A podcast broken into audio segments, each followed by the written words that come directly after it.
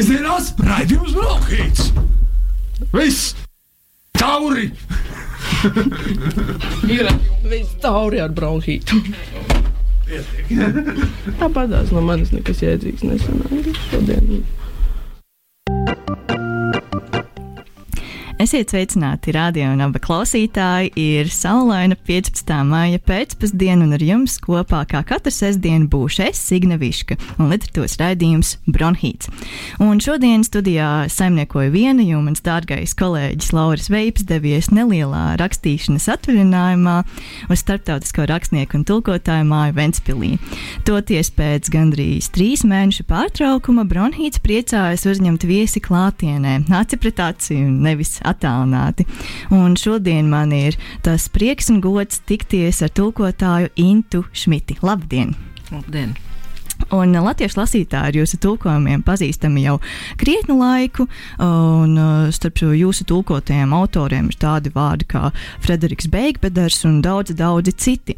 Un uh, šodien vairāk uh, pievērsīsimies tieši franču autorei Delfīnai de Vigānai, kuras romāna lo Lojalitātes Inta Šmitas tulkojumā izdevis Jāņa Rūsas apgāds. Un šogad, pavisam nesen, klajā nācis de Vigānas romāns, kas tulkots vairāk nekā 20 valodās. Un tagad pieejams arī latviešu lasītājiem - No un Es. Pirms uh, sīkāk runājam tieši par šiem romāniem, uh, varbūt Inta pastāstiet, uh, kad un kā jūs iepazināt Delfīnu de Vigānu un kā nolēmāt tulkot viņas darbus, viņas romānus. Pirmais romāns, ko es izlasīju, tas bija 2015. gadā iznākusi grāmata, balstīts patiesā notikumā. Un to, to es izlasīju, tas man piesaistīja. Man likās, ka arī latviešu lasītājiem tas varētu būt interesants, un es to piedāvāju apgādam Jānis Rozi. Pēc īsa brīža, tad gaidot atbildi, es lasīju citu viņas darbu, kas iznācis 2011. gadā, ko varētu tulkot, ka nekas nespēja turēties pretī naktī, vai nakts ir stiprāka par visu.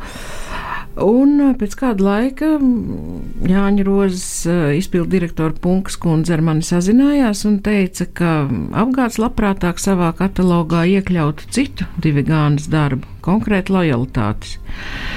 Un jāteic, ka šīs, šo grāmatu lojalitātes es apzināti nelasīju uzreiz pēc tās iznākšanas 2018. gadā, jo apraksts par šo grāmatu liecināja, ka ta, tas nebūs nekāds izpriecu pilns notikums šī lasīšana, un ka tas var sagādāt tikai sirdēs, un tad es domāju, nu vai man to vajag, un es nelasīšu.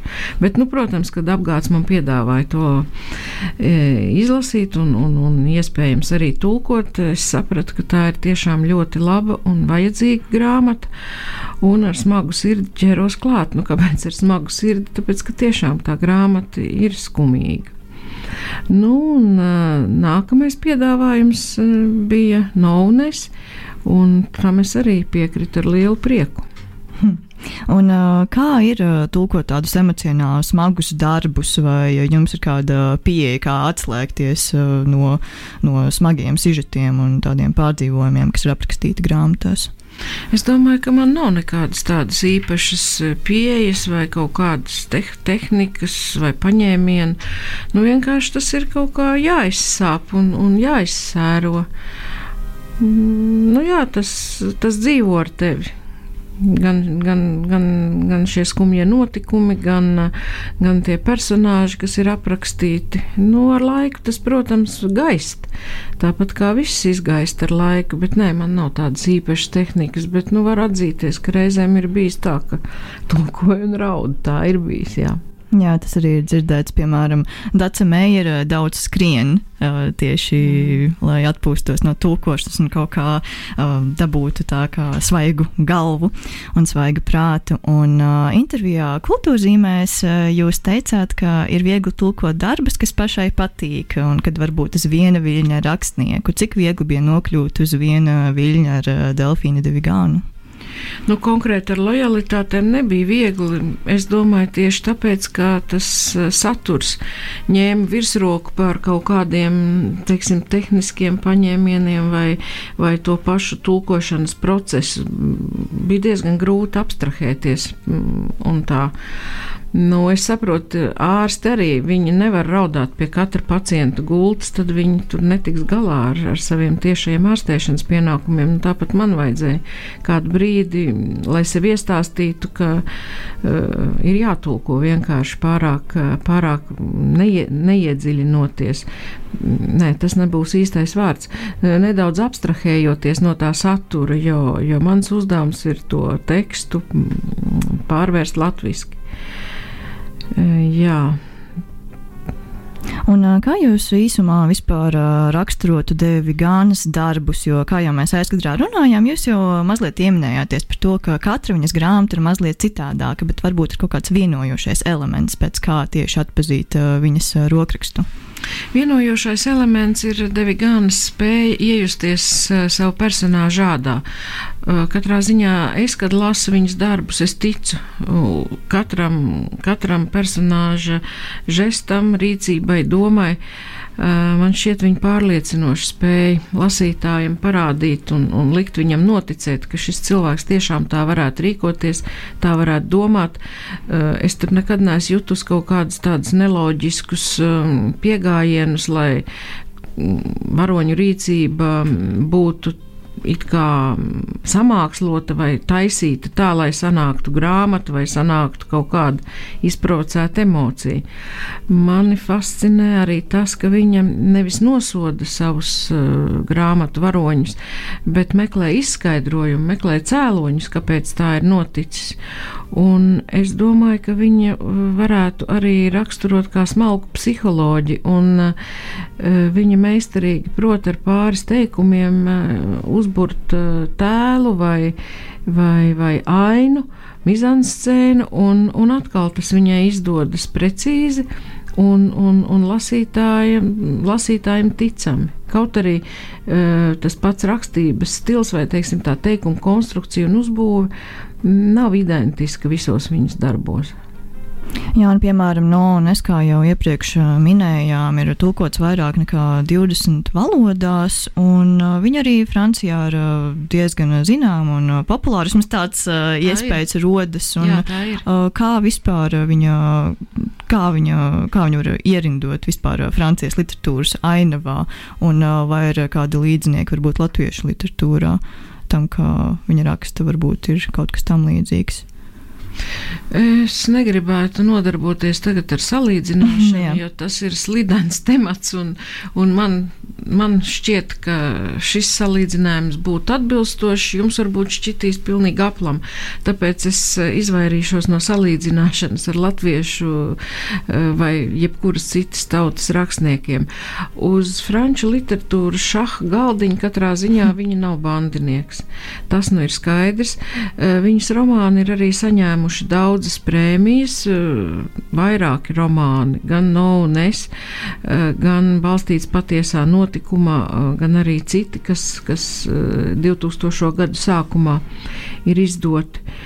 Un, uh, viņa tiešām ir vērā ņemama rakstniece. Ik reizi katram, uh, katrs romāns, kas, iz, ko, kas viņai iznāk, tiek apskatīts noteikti franču literārajā žurnālā Līra un arī daudzos citos izdevumos, kuros ir rubrikas, uh, kas veltītas uh, literatūrai. Tā ka viņa tiešām ir vērā ņemama, vērā ņemama rakstniece. Un man šķiet, ka daudz no šiem darbiem arī ļoti atbilstoši jauniešu auditorijai. Uh, vismaz uh, man ir. Nu, Cik esmu lasījusi tikai šos divus romānus, bet uh, es nevaru spriest, vai viņa raksta arī tieši jauniešiem, vai arī viņa. Nē, neviens viņas darbs nav, nav meklējams plauktā jauniešiem, bet tie, tie varētu būt tiešām interesanti jauniešiem. Uh, nu, varbūt ne pavisam maziem bērniem, nu, kā, ne, ne pavisam jauniem jauniešiem, bet sacīsim, sākot ar vidusskolu, es domāju, ka tie varētu būt temati un, un, un tēmas, kas var piesaistīt, jo viņi ir samērā vispārīgi un tādi vispār cilvēciski. Piemēram, romānā balstīts patiesā notikumā, kāpēc tieši tas romāns man uzrunāja un, un ko es gribēju piedāvāt apgādi uzmanībai tas, ka eh, cik ļoti cilvēkam ir jāsako līdzi savai eh, psiholoģiskai imunitātei, lai nenotiek tā, ka ja mums šī psiholoģiskā un emocionālā imunitāte ir sagruvusi, tad uh, mēs esam ļoti neaizsargāti un mūsu iekšējo pasauli var uzurpēt pilnīgi nevēlami sveši cilvēki, sveši ķermeņi. Tāpēc es domāju, ka jauniešiem arī varētu būt saistoši viena otra viņas darbos risinātā tematika. Jā, noteikti arī attiecības ar uh, vecākiem un Protams. vienaudžiem, un ne Protams. tikai vismaz uh, lo lojalitātēs un no Jā. un es. Tas ir uh, viennozīmīgi. Un uh, tad varbūt pievērsīsimies tieši lojalitātēm, un uh, lai klausītājiem uzreiz būtu kāds uh, iespējas par šo darbu, varbūt es varu palūgt nolasīt kādu fragmentu.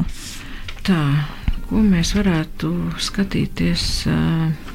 Es domāju, par lojalitātēm runājot, varētu nolasīt tieši pirmās rindas, ar ko grāmata sākas. Tāpēc, ka, nu, pirmkārt, jau es gribētu, ja var ja laiks atļauj. Jā, laiks vārds, pilnīgi atļauj. Jā.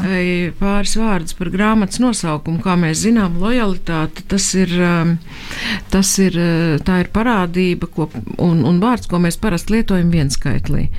Uh, un tas pats arī franču valodā. Un uh, franču valodā šis vārds ir lietots daudzskaitlī un arī latviski. Es saglabāju tieši šādu rakstību un es ilgi domāju, kāpēc tā. Un beidzot, viens no, viens no risinājumiem varētu būt tāds, ka, manuprāt, mēs katrs esam lojāli pret kaut ko, un, un, un mēs īstenojam vairākas lojalitātes. Mēs varam būt lojāli pret saviem vecākiem, pret saviem bērniem, pret saviem kolēģiem vai vēl pret kaut ko, un te nu ir tas, tas vesels tāds lojalitāšu saišķis. Bet atgriežoties pie grāmatas, te nu būs pirmās, pirmās pāris rindkopas. Grāmatu autori sāk tā - lojalitātes. Tās ir neredzamas saites, kas mūs vieno ar citiem, kā mirušiem, tā dzīviem. Tās ir čukstus izteikti solījumi, kur atbalsi esam, neesam sadzirdējuši. Mēmu uzticība, līgumi, ko visbiežāk esam slēguši paši ar sevi, saukļi, kuriem esam sekojuši, tos nesaklausījuši, un parādi, kas krājas atmiņā ielokos. Lojaltātes ir bērnības likumi, kas snauž mūsu ķermenī, vērtības, kuru vārdā staigājam paceltu galvu, pamati, kas ļauj noturēties, nesaprotami principi, kuri mūs grauž un tur savā varā, mūsu spārni un mūsu vāžas. Tās ir tramplīns, kas ļauj atraisīties mūsu spēkiem un ierakumi, kuros apbedījam sapņus. Manuprāt, tieši šajā, šajās ievadrindās autori ir vēlējusies pateikt un izpaudusi visu grāmatas kvintesenci. Tā viennozīmīgi ir, un man šķiet, arī ievads tiešām ir ļoti spēcīgs un uzreiz ierauj tajā noskaņā. Un, vai jūs esat atzīmējis vēl kādu fragment, ko jūs gribētu nolasīt? Jā, es, atzī, es esmu atzīmējusi vairākus fragmentus, un tie, kas grāmatu ir lasījuši, tiem varbūt tas nav tik būtiski atgādināt, bet tiem, kas grāmatu vēl nav lasījuši, pāris vārdos gribētu pastāstīt, ka tās galvenie varoņi ir divi, divi puišeļi, puiši, 12, 13 gadus veci, Teo un Matis.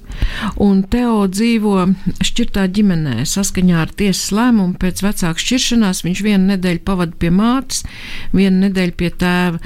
Matisa ģimene it kā ārēji tur viss ir kārtībā, lai gan patiesībā arī tā ir samērā disfunkcionāla. Bet vismaz viņam ir um, tāda diezgan, diezgan kārtīga un normāla dzīve atšķirībā no Teo, jo tajās nedēļās, kad viņš dzīvo pie tēva, viņš ir spiests noskatīties, kā tēvs grimst ar vien dziļāk depresijā, alkoholismā, un, un viņš cenšas uh, to visu kaut kādā veidā vērst par labu, bet, protams, viņa spēciņi ir par vājiem, un savukārt viņa māte e, pēc šķiršanās nav nevienu reizi pateikusi nevienu labu vārdu par savu bijušo vīru, puikas klātbūtnē, un arī to viņš pārdzīvo. Un e, lielākā, vislielākā nelaime ir tā, ka Teo meklē aizmiršanos e, alkoholā, un kā viņš pats saka, viņa sapnis būtu iedzert tik daudz, lai no alkohola komas pāriet nebūtībā.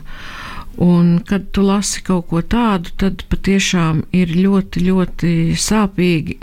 Tāpēc man šķiet, ka šī ir grāmata, ko obligāti vajadzētu izlasīt visiem vecākiem, kam ir bērni pusauģu vecumā, un it īpaši tiem, kas ir šķirti, Un uh, ne jau tāpēc lasīt, lai redzētu, kādu postu var nodarīt alkoholisms, bet lai paskatītos uz šo lietu no pavisam cita skatu punkta, lai pāanalizētu, cik ļoti pašaizliedzīgi spēj būt bērni, cik lojāli viņi grib būt pret saviem vecākiem, pret vienu un pret otru, un uz kādiem upuriem viņi arī ir spējīgi, lai saglābtu ģimeni vai lai mēģinātu saglābt attiecības ar vienu vai otru vecāku vai ar abiem bērniem. Uh, tieši, tieši tāpēc man šķiet, šī grāmata ir ļoti vērtīga, ka tā izceļ bērnu spēju upurēties un bērnu spēju būt lojāliem. Nu, un, protams, arī uh, skola, jo tur ir at, at, attēlotas arī puika attiecības ar skolotājiem. Tur ir pa, parādīts, uh, attēlots kā viena skolotāja, kura ir redzīgāka un iejūtīgāka par citiem, kura jūt kas notiek ar Teo, bet arī viņai kaut kā neizdodas pa īstam piekļūt uh, zēna iekšējai pasaulē un, un viņu glābt tā, kā viņa to būtu gribējusi. Uh, atgriežoties pie jūsu jautājuma par fragment, es atvainojos, es laikam drusciņi par daudz. Nē, viss kārtībā. Tieši ir nepieciešams ieskicēt, uh, par ko tieši Jā, ir šī grāmata. Nu, tā kā Tā kā man pašai par skolu nevienmēr ir brīnišķīgas atmiņas saglabājušās eh, tieši skolā valdošās atmosfēras dēļ un, un, un to, kā, kā, kā skolotāji var reizēm izturēties pret eh, skolēniem, eh, tad es varētu izlasīt vienu fragmentu par to, kā notiek fiskultūras stunda Uzreiz man arī sākās uh, flashback uz skolas. Jā, jo man liekas, daudziem, daudziem skola ir atstājusi kaut kādu traumu, lielāku vai mazāku. Un tas ir žēl, jo principā skolai vajadzētu būt vietai, par kuru mēs glabājam tādas rožainas atmiņas. Labi, šī ir nodaļa Teo 68. lapusi. Sporta zālē viņš ienāca pēdējais. Skolēni bija sasēdušies aplī uz porolonu paklājiem. Bertelo kundze stāvēja pie durvīm un gaidīja kavētājus, lai kā parasti pārbaudītu tērps. Bertelo kundzei sporta tērps nozīmē pilnu ekipējumu, vingrošanas tērpa augšdaļu un bikses un īstus sporta apaus, nejaukt ar botām un visādiem ekstravagantiem modeļiem. Pirms dažām nedēļām te Teo saņēma sodu. Viņam bija 50 reizes jāuzraksta. Man ir jāatnes sporta tērps uz fiziskā fiziskās audzināšanas stundām otrdienās pulksten 14. Šodien, kad viņš gāja skolotājai garām, tā viņa apstādināja. Kur tavs sporta tērps? Teo paskaidroja, ka šonadēļ dzīvojot pie tēva un ka pirms došanās turp, kad vācis kopā mantas, visur izmeklējies mammas mājā, bet neatradis. Vai pie tēva te nav sporta tērpa? Viņš noraidoši pamāja, taču skolotāji pat nedomāja rimties. Vai tēvs nevar nopirkt sporta tērpu? Nē, tēvs nevar nopirkt sporta tērpu. Tēvam ir beidzies bezdarbnieku pabalsts, viņš neiet ārā no mājām un tipina sīkiem solīšiem kā zombijs. Viņš būtu varējis to gluži vienkārši viņai iemest sejā, un tad uz brīdi būtu jūties kā guvis virsroku. Taču viņš zina, ka skolotāji ir iecirtīgi un vienmēr grib paturēt pēdējo vārdu. Turklāt viņi būtu spējīgi sacīt to ņemt par pilnu. Skolotāji turpina gausties. Viņai ir apnikuši, patiešām apnikuši skolēni, kas iedomājas, ka viņiem viss ir atļauts un nāk uz stundu ielas drēbēs kā uz domino spēli viesistabā. Ko gan viņi no sevis iedomājas? Bertelo kundze joprojām ir aizķērsojusi ceļu un atskan spriedums. Paņem bikses aizmirsto mantu lādē un ej pārģērties. Tā ir pavēle, taču Teo nekust no vietas. Ātri! Viņa lieliski zina, ka lādē ir tikai vienas treniņbikses un ka tās tur pūst jau desmit gadu. Turklāt tās ir rozā un mazas. Teo vēl pēdējo reizi iebilst, tad izvelk bikses un tās parāda, lai pati pārliecinās. Viņš tās tur divos pirkstos un cer, ka skolotāji mainīs domas. Nu, vēl tik virsū un apskrien četrus apļus ap zāli. Teo murmina, ka bikses smird. Zināsi, kā vienmēr aizmirst tērpu.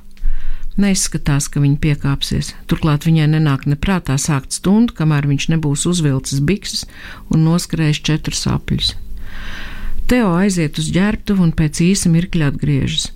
Rozā treniņbikses sniedzas līdz pusstilbam. Viņš ir gatavs izdzirdēt ķiķināšanu un zobgalības, taču neviens nesmējas. Matis vairākas reizes atkārto: skolotāji tā nevajadzēja. Bertelo kundze viņam uzsauca, lai apklusta, citādi arī pats saņems sodu. Sarunas ir apsīkušas, sporta zālē vēl nekad nav valdījis tāds klusums. Teo sāk skriet. Lēnām īsiem soļiem viņš kapa klusumā pieveic četrus pieprasītos apļus. Viņš mana, ka vaigos iesits karstums. Viņš neatceras, kad vēl būtu izjutis tādu kaunu.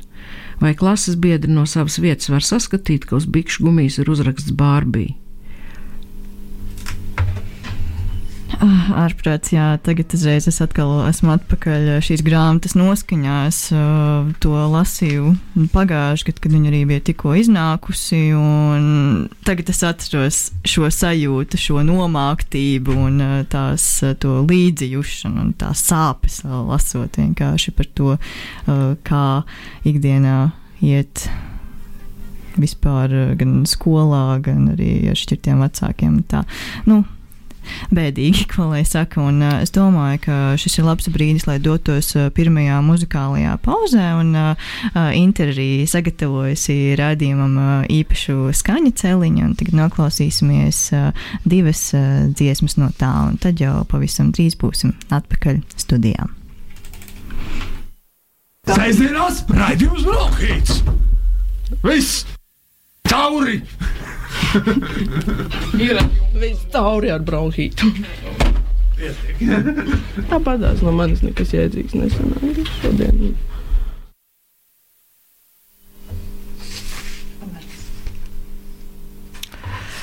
Atgriežoties pie Devigānas nākamās grāmatas, nav nesis gribētu nolasīt uh, fragmentu, kas ir uh, grāmatas sākumā. Tur ir stāstīts par to, kā galvenā varona Lūbertiņaka, meitene, kas ir apsteigusi savus vienaudžus un mācās uh, ar mācās klasē, kur vispārēji ir pāris gadus par viņu vecāki.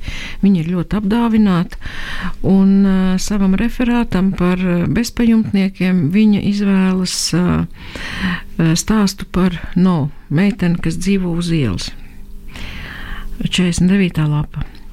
Mēs satiekamies tieši kafejnīcā. Stacija viņai ir kļuvusi pārāk nedroša. No nedrīkst palikt vienā un tajā pašā vietā vairākas dienas pēc kārtas.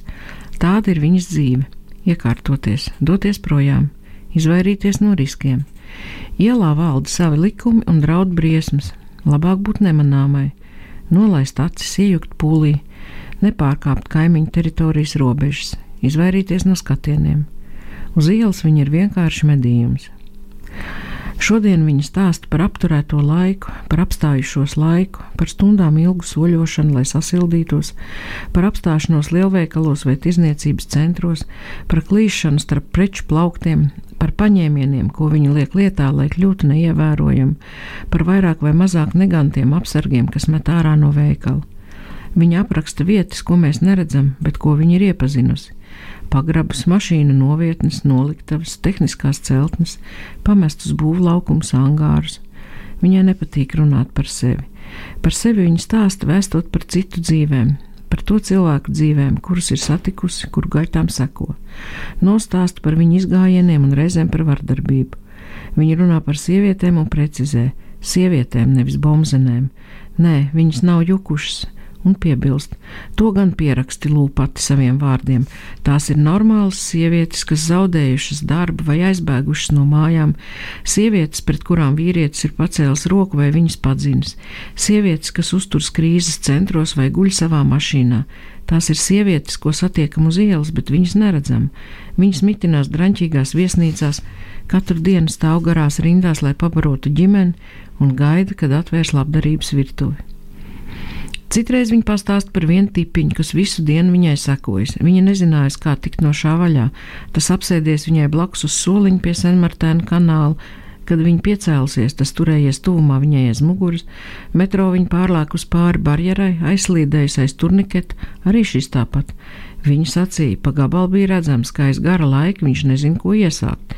Īsts urli, es tādu savošu pa gabalu godu vārds. Beigu beigās viņa to ielas vidū nolamāja. Viņa kliedz tik skaļi, ka šis atstājās. Vienmēr gatava aizstāvēties, pilna trauksmes, viņa necieši jau uz viņu skatās. Kafejnīcā tas pats, ja kāds uz viņu atskatās, viņa nekavējoties to pasūta pāris mājas tālāk. Gribi man nofotografēt, vai arī tev nepatīk mans ģīmis? Viņā ir kaut kas, kas liek pierauties, kas iedvež respektu. Cilvēki parasti pieceļas un burkšķēdami dodas prom. Reiz viens vīruks nomurmināja nabaga meiteni vai kaut ko tam līdzīgu. No piecēlās un nospļāvās viņam pie kājām. Viņas skatiens bija tik negants, ka vīruks neko neteica, steigšs aizgāja.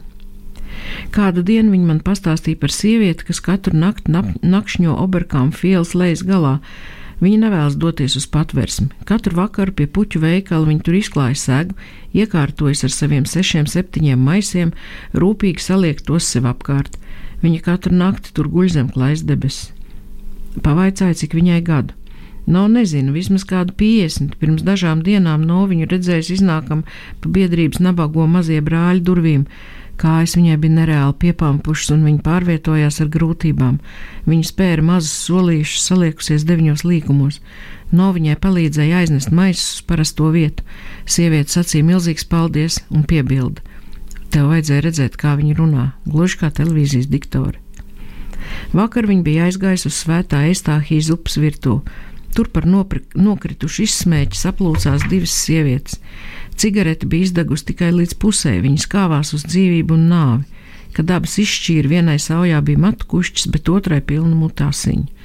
Tā ir pirmā reize, kad no balss aizlūst. Viņa apklust, gar viņas acīm slīd tēli, un es manu, ka tie viņu sāpina. Viņa saka, redzi, par ko mēs pārvēršamies - par zvēriem, par īstiem zvēriem. Viņa apraksta, kā vada savas dienas, ko ir redzējusi, ko dzirdējusi. Es klausos abām ausīm, ļoti uzmanīgi klausos, elpa aizturējusi. Esmu pārliecināta, ka viņi man pasniedz īstu dāvanu, dāvanu savā izpratnē, ar mūžīgo riebumu grimasa sejā un reizēm sasiem izteicieniem: Atšujies, liec man mierā, vai arī vai tu man netici? Tas tikai izklausās kā jautājums.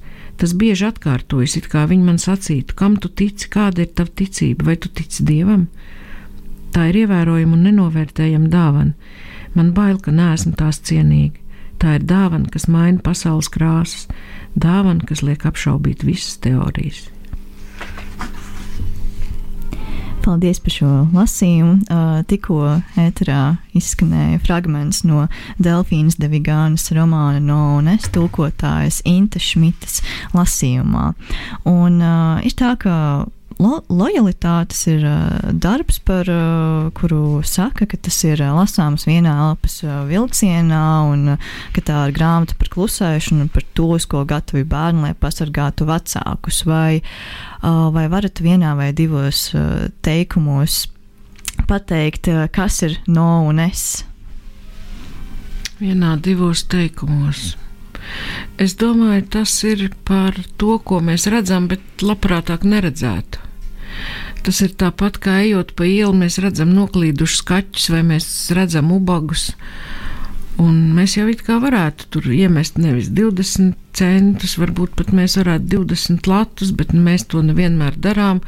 Tad mēs novēršamies, un tad mums ir kauns par sevi. Un tad mēs domājam, nu jā, bet visus, visus uh, klīstošos kaķus es tāpat pie sevis nevaru paņemt. Visiem ubagiem es tāpat nevaru izdalīt lielas naudas summas. Nu, nu, ko lai dara? Nu, tāda ir dzīve. Uh, un es nezinu, vai šim jautājumam ir atbilde, vai tas vispār ir tā mierīgi atrisināms. Man šķiet, ka grāmata ir par to. Hm. Jā, un jūs pieminējāt kaunu. Man šķiet, ka kauns arī ir ļoti izteikta um, emocija uh, šajā romānā, un ka jau ne gluži bērns, bet nu, pusaudzis ir. Uh, negluži spiests, bet uh, tik ļoti izjūt uh, kaunu un atbildību par uh, tādām pasaulīgām lietām, kuras varbūt pat uh, nav iespējams izmainīt, un tomēr ņem un centies un kaut ko dari, lai kaut ko mainītu. Tomēr tas ir mazliet uh, kā cīņa ar veidzirnavām, man šķiet, un tāda noskaņa vismaz un rodus. Jā, patiesi, un tas ir tieši ra jaunībai raksturīgi, un tas ir tas uh, labākais, kas ir jaunībā kad liekas, ka vajag tikai gribēt, saņemties, un, un viss ir izdarāms. Paiet gadi, mēs kļūstam pieauguši, un mēs saprotam, ka vai nu mums pašiem rokas ir par īsu, vai mums ir cits prioritātes, un beig beigās mēs saprotam, ka, nu, jā, ir lietas, ko tā tik vienkārši nemaz nevar, nevar atrisināt, bet grāmatas galvenai varonai Lū, tajā brīdī tiešām šķiet, ka viņi var vērst par labu un palīdzēt no vismaz vismaz tik daudz, ka uzaicināt pie sevis padzīvot, lai viņai ir normāla gulta un, un pašai savs šķīvis un krūzīt. Un tas ir tieši viņai raksturīgi šī emocionālā, šis emocionālais godīgums un emocionālā atvērtība, kas cilvēkam neizbēgam ar gadiem zūd, bet emocionālais godīgums, es domāju, to gan mēs varētu saglabāt gandrīz vai līdz mūža beigām, vismaz patiesi ieskatīties paši sev acīs un, un atzīt, ka jā, mēs tā, tādi mēs esam, to mēs redzam un to mēs darām vai nedarām. Lūvel ir sava ceļa sākumā, un viņai tas viss ir vispārākajā pakāpē, kā jau raksturīgi jauniešiem. Jā, un mani arī pārsteidza, cik daudzslāņains ir šis romāns, jo it kā centrā ir eh, šī jaunā sieviete, no, kas ir palikusi bez pajumtes, bet patiesībā ir arī, šis ir arī stāsts par eh, bērna zaudējumu, par māsas zaudējumu, tas ir arī stāsts par vardarbību, bet galu galā arī par eh, milzīgu atbildību un sirsnību, ko mēs vispār izjūtam pret līdzcilvēkiem un ko lūk tik ļoti cenšas arī izrādīt. Un, arī pasargāt. Un, tas man liekas ļoti, ļoti saistoši. Un vispār lūtēls ir ļoti, ļoti īpašs un ir tik apdāvināta jauna meitene. Un, Man šķiet, ka arī šajā teikumā, 98. lapusē, ir ļoti uh, precīzs uh, lūtēla raksturojums, un es citēju. Tu, drosteliņa, esi pavisam maza un pavisam pieaugusi, un tev ir taisnība. Un uh, tajā pašā laikā, 134. lapusē, uh, skolotājs Marēna kungs paziņoja, ka uh, Lū esot uh, utopiste. Un, kā jūs raksturotu Lū tēlu? Nu jā, viņa, ir, viņa tiešām ir utopiste un, un ar tādā nozīmē, ka es domāju, ka tad, kad mums bija tik gadi, cik lūk, mēs arī visi bijām utopisti un mums tiešām šķita, ka nu, praktiski viss ir iespējams. Un, Man ļoti patika arī tas, ko grāmatā Lūija saka. Ir pienācis tāds eh, laiks, kad mēs laižam kosmosā raķetes, mēs esam izgudrojuši tomātus, kas var stāvēt trīs nedēļas leduskapī, un, un tiem nekas nenotiek.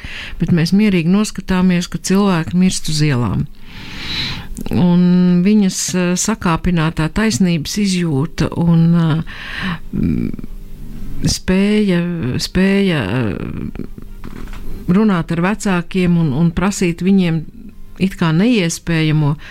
Tas arī liecina, manuprāt, par viņas emocionālo mm, atvērtību un, un vēlmi labot pasauli vismaz saviem maziem vājiem spēciņiem, kādi nu viņai tie ir. Un, uh, tomēr mazu daļu pasaules viņai izdevās uh, izmainīt, jo viņas vecāki tomēr uh, krietni izmainījās visā šajā procesā, dzīvojot kopā ar No un cenšoties viņai palīdzēt. Un pat pēc uh, viņas aiziešanas vismaz uh, saglabājās kaut kas uh, no tā jaunā sākuma, no tās jaunās dzīves, kad uh, viss, nu, jau iepriekš viss jau bija diezgan bēdīgi, un uh, māte necēlās no gultas, vai arī vienkārši bija tāda um, apātiska, un tad kaut kā tas mainījās, kad ienāca jauns cilvēks, jauna meitene viņa dzīvē, viņa dzīvoklī. Un tā. Un uh, arī tas, ko es uh, vēlētos noteikti uh, uzsvērt, ir uh, tas, ka Devigāna viņa neizdaļo un uh, neroman, neromantizē tā kā ciešanas, un uh, viņa to parāda tikai patiesā un uh, īstā gaismā, ka tas tiešām ir apbrīnojami. Un, uh, Uh, neviens varonis netiek uh, attēlots kā ļaundaris vai tur, uh, tiešām pilnīgi balts un pūkains, un uh, arī tas, kas, uh, tas, ko es sapratu arī gan pēc lo lojalitāšu, gan pēc naudas izlasīšanas, ir uh, tas, ka, ir, uh, ka šai autorai iespējams ir uh, raksturīgas atvērtās beigas. Es nezinu, vai tā arī ir citos viņas romānos, ka nav uh, konkrēti norādīts uh, virziens, uh, kā tas pēc tam viss atrisinās. Kā tas ir īsti? Uh, es neesmu izlasījis visus viņas romānus. Mm. Viņai ir kādi 11. Uh, esmu lasījusi tikai 6. Man šķiet, ka tāds pa, pa īstam par atvērtu nobeigumu mēs varam runāt šajos divos. Hmm. Jo pārējos, uh, kaut arī tur varbūt nav absolūti salikt visi punkti uz ī, tomēr nav arī tāda iespaida, ka mēs varam domāt vai nu vienu, vai kaut ko pilnīgi pretēju. Mm, diezi vai, diezi vai tas ir kaut kāda viņas firmas zīme. Hmm, tad uh, jāgaida nākamie tulkojumi arī tikmēr uh, jālasa angliski vai vāciski vai Jā. citās valodās uh, viņas uh, darbi. Un uh, vēl runāju, atgriežoties pie tās. Uh, pie tiem daudziem slāņiem, kas ir uh, lasāmi no un es. Man šķiet, kaut arī Lūija ir uh, ļoti, ļoti inteliģenta un uh, gudra un visādi citādi. Um, Abrīnojama meitene man tik ļoti patīk, ka arī viņa sastopas ar tādām uh, ikdienišķām pusauģu problēmām. Tur uh, pirmā simpātijas, pirmā mīlestība un uh, tas, uh, ka viņa prātoja, uz kuru pusi jākustina mēlis, kūpstoties. Man tas likās tik piemīlīgi un jauki, jo nu, tomēr uh, pat ja pusauģi risina tādas milzīgas un pasaulīgas problēmas, uh, tomēr arī uh, pirmās uh, pieredzes un tā nekur nepazūd. Man šķiet, ka Devigāna ir eh, ļoti meistarīgi atspoguļojusi arī šo pusi, teiksim tā. Un, uh, Runājot arī par uh, Lū uh, ikdienu, un uh, tas būs uh, kaut kā man izdevās to mazliet sasaistīt arī ar tulkošanu valodu, un ir citāts 21. lapusē, kur Lū saka šādi. Vakarā es izpildu mājas darbus un pievērsos savām nodarbēm. Es meklēju jaunus vārdus. Tas ir reibinoši, jo ir tūkstošiem jaunu vārdu. Es tos izgriežu no avīzēm, lai pieredzinātu un ielīmēju lielās baltās burtnīcās. Un, vai ir kāds veids, kā tulkotājs var pieredzināt vārdus vai valodu? Nu, es domāju, ka tulkotājs viņš ir eh, droši vien tulkotājs 24 stundas diennaktī. Nu, labi, varbūt kamēr guļtiņā, nē, bet uh, tulkotāji vienmēr, es domāju, diezgan acīgi saskata gan, gan kaut kādas interesantas uh, valodas mm, paņēmienus, citos, cita rakstītos tekstos, gan arī pamana kādus jaunus vārdus, un man šķiet, ka tūkotājs ir diezgan zaglīgs radījums. Es vispār sevi pie tiem varu pieskaitīt, jo ik reizi, ja es izlasu vai es atdzirdu kaut ko tādu, kas man šķiet interesants, neparasts vai nedzirdēts, es to parasti kaut kur pierakstu, lai, lai, ne, lai nepazustu. Nu, un, protams, tā kā tulkotāja darba rīks ir valoda, tad uh, valodas pieradināšanai ļoti labi nodara lasīšanu savā dzimtajā valodā, vēlams mm, labus un bagātus mm, tekstus, tie varētu būt klasiķi. Un vēl man šķiet, ka valoda var pieradināt arī lasot vārnīcas vai gramatikas grāmatas, jo Es domāju, nav pareizi sacīt, ka latviešu valoda ir eh, kaut kādā ziņā apdalīta, ka citas valodas var, ir bagātākas ar kaut ko. Man šķiet, ka latviešu valoda ir ļoti bagāta, jo diez vai būs daudz tādu valodu, kur tik daudz ko var pateikt ar eh, prievārdiem, eh, ar, es atvainojos, ar, ar priedēkļiem, ja paņemot viena vārda sakni un pieliekot viņam dažādas priedēkļus, iznāk daudz, daudz dažādi citi vārdi. Un uh, valodas pieradināšana ir arī tiešām lasot, uh, lasot frazeoloģiskās vārnīcas, piemēram, jo nevienmēr var atrast uh, absolūti tādu veiksmīgu atbilsmi vienā vārdā kādam svešu valodā izteiktam vārdam, bet ļoti labi nodara kāds frazeoloģisks izteiciens vai idiomātisks izteiciens. Un, ja mēs runājam par valodas pieradināšanu, tad manā uztverē tā ir eh, tāda nemitīga darbošanās ar valodu un, un, un vērīga un acīga lasīšana. Hmm. Jā, tam es viennozīmīgi varu piekrist. Un uh, runājot par frazeoloģismiem, un, piemēram, vārdu spēlēm vai citiem uh, sarežģījumiem, vai bija kas uh, izaicinošs uh, tulkojot uh, Devigānas uh, romānus vai kaut kas specifisks viņas valodā, kas uh, sagādāja īpašas uh, grūtības vai arī, vai arī tas vai arī tieši emocionālais vēstījums bija lielākais uh, sarežģījums? Nu, protams, pirmām kārtām emocionālais, vēr, emocionālais, uh, emocionālā slodze, bet Devigāna stilam nav raksturīgi tādi īpašas vārdu spēles vai, protams, pa kādai droši vien jau tur gadījās. Nu, iesaukas tās vienmēr ir grūti atdarināt, mm. jo precīzi to dabūt, to tā, lai, lai, lai tieši tāds, tāda pati asociācija rastos. Tas pie tā reizēm nāks piedomāt.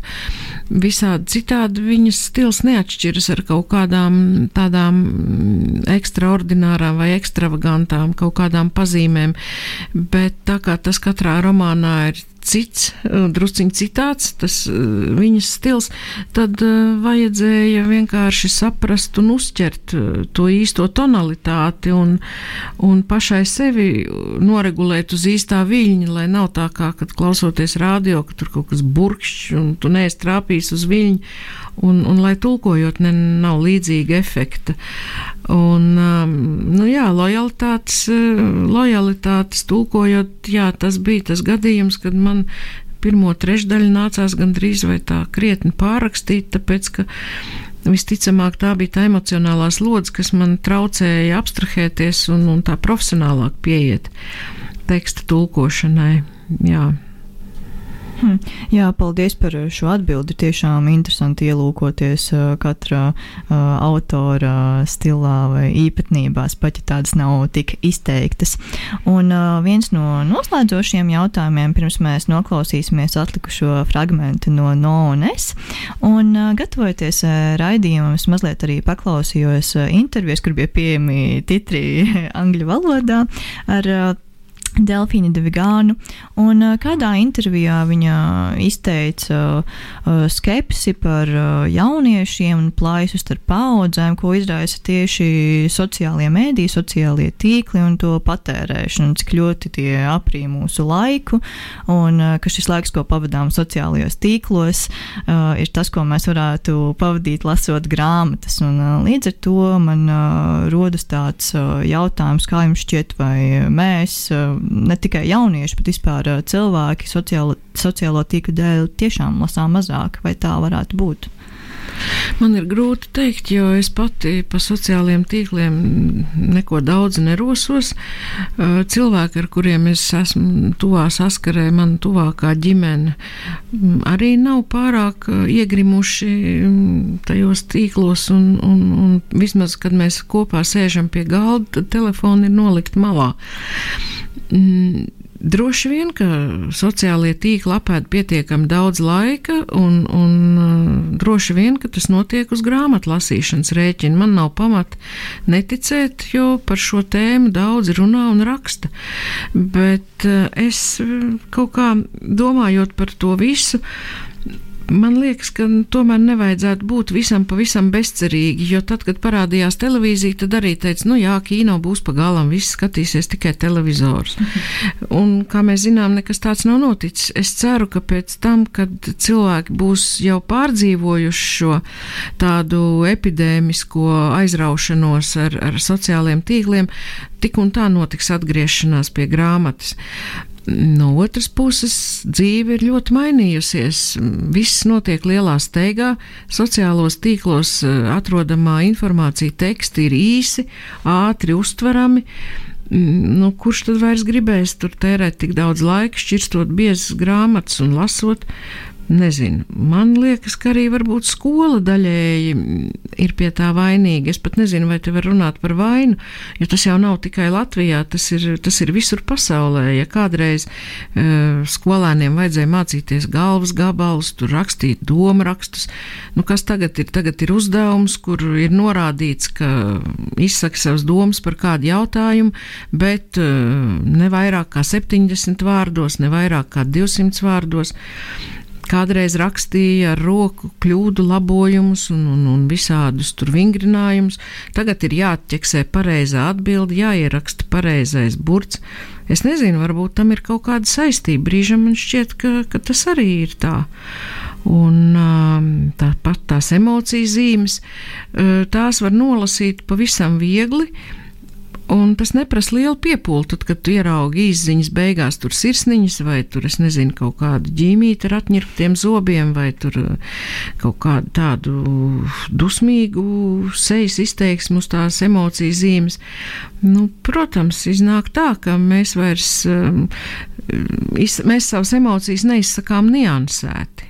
Tā ir kaut kāda tāda ātri uztverama, ātri pievienojam savam tekstam emociju zīme un, un zūd tās nianses. Un cilvēks skatoties uz to emociju zīmi, jā, viņš saprot, ka tās ir dusmas, kas ir tur paustas, bet vai tas ir aizkaitinājums, vai cilvēks ir erīgs, nīgrs, īgnis, pārskaities, vai tā, tās nianses pazūd. Un tās ir nianses, kuras mēs vienmēr varam atrast grāmatā, jo grāmatas tekstā, vai tas būtu oriģināla darbs vai tulkojums, tomēr ir samērā niansēti izteiktas dažādas, eh, dažādas lietas, un, un, un valoda ir bagātāka. Tā ka jāsaka, es tiešām nezinu atbildu šo jautājumu. Šobrīd droši vien, ka sociālie tīkli apēda to laiku, ko citkārt cilvēks būtu pavadījis pie grāmatas, bet es ceru, ka tas nav uz visiem laikiem, ka grāmata paliks kā mūžīga vērtība. Jā, es domāju, ka par to nav jābaidās. Varbūt uh, tiešām tas laika balans ir mazliet uh, izjaukts, bet tomēr tie, kas gribēs lasīt, viņi vienmēr atgriezīsies pie tās grāmatas un varbūt pat uz miega rēķina. Un uh, tagad. Uh, Es labprāt palūgtu jūs nolasīt eh, pēdējo fragment no No un Es, pirms mēs eh, šodien atradāmies no mūsu klausītājiem. Tā. Nu, tas atkal būs viens fragments.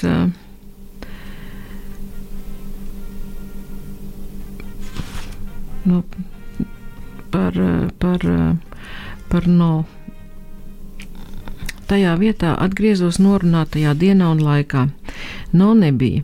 Es viņu gaidīju pie brasērijas, izmeklējos pa visu staciju, avīžu kioskā, pie biļešu kasēm, toaletē, gaidīju pie staba, kuru pakājē viņa reizēm mēdz apsēsties, ja tuvumā nebija policistu. Pūlī ar acīm meklēju viņu pēc bluzona un matu krāsas, sēdēju uzgaidāmā telpā un caur stiklu skatījos, vai neieraudzīšu viņas trauslo stāvu. Atgriezos nākamajā dienā un aiznākamajā dienā arī. Pēc tam vēl citās dienās. Kādu vakaru, kad jau desmito reizi gāju garām avīžu kioskam, rudā dāma pamāja, lai ienāku. Pienācu tuvāk. Vai tu meklē Nolvenu? Jā. Sen neesmu viņu redzējusi. Pēdējā laikā viņa šeit nerādās. Ko tev no viņas vajag? Mm, vispār neko. Bijām norunājuši iedzert kādu glāzi. Droši vien tagad ganās citur. Saki, vai tavi vecāki zina, ka tu nāc uz šejienu? Nē, zini, bērniņ, tev nevajadzētu sajieties ar tādu meiteni kā viņa. Man Nolvena tīri labi patīk, taču viņa dzīvo uz ielas, citā pasaulē, kas atšķirs no tavējās. Tev droši vien ir jāgatavo stundas un jādara vēl daudz kas cits, tāpēc labāk dodies mājās.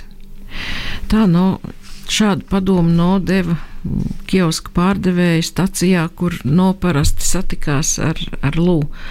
Un, un šis atkal ir fragments, kurā Devigāna ļoti smalki parāda, ka šī pasaule starp cilvēkiem, kuriem lāga nav ne māju, ne pajumtes, un pārējo sabiedrības daļu, kurai tas viss ir, ir diezgan liela un nepārvarama.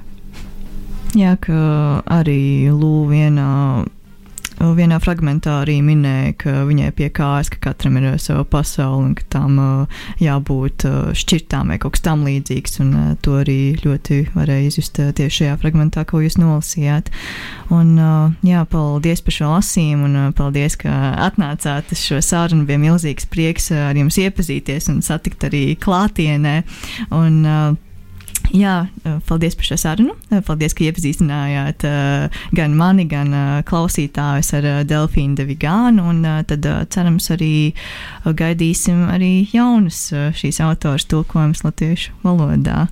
Nu, cerēsim, tas atkarīgs no izdevniecības plāniem. Katrā ziņā, ja, ja šāds priekšlikums būs, es tev ar prieku pieņemšu un izsaku lielu pateicību par iespēju būt jūsu radio viesim. Lielas paldies jums! paldies! Un Un es noteikti vēlos arī atgādināt, ka raidieraksta piedzīvot lapuses mēneša, viena no mēneša grāmatām ir tieši no un es. Un tā kā droši var paspēt izlasīt šajā maija mēnesī un publicēt savu atsauksmi kādā no sociālajiem tīkliem vai savā blogā.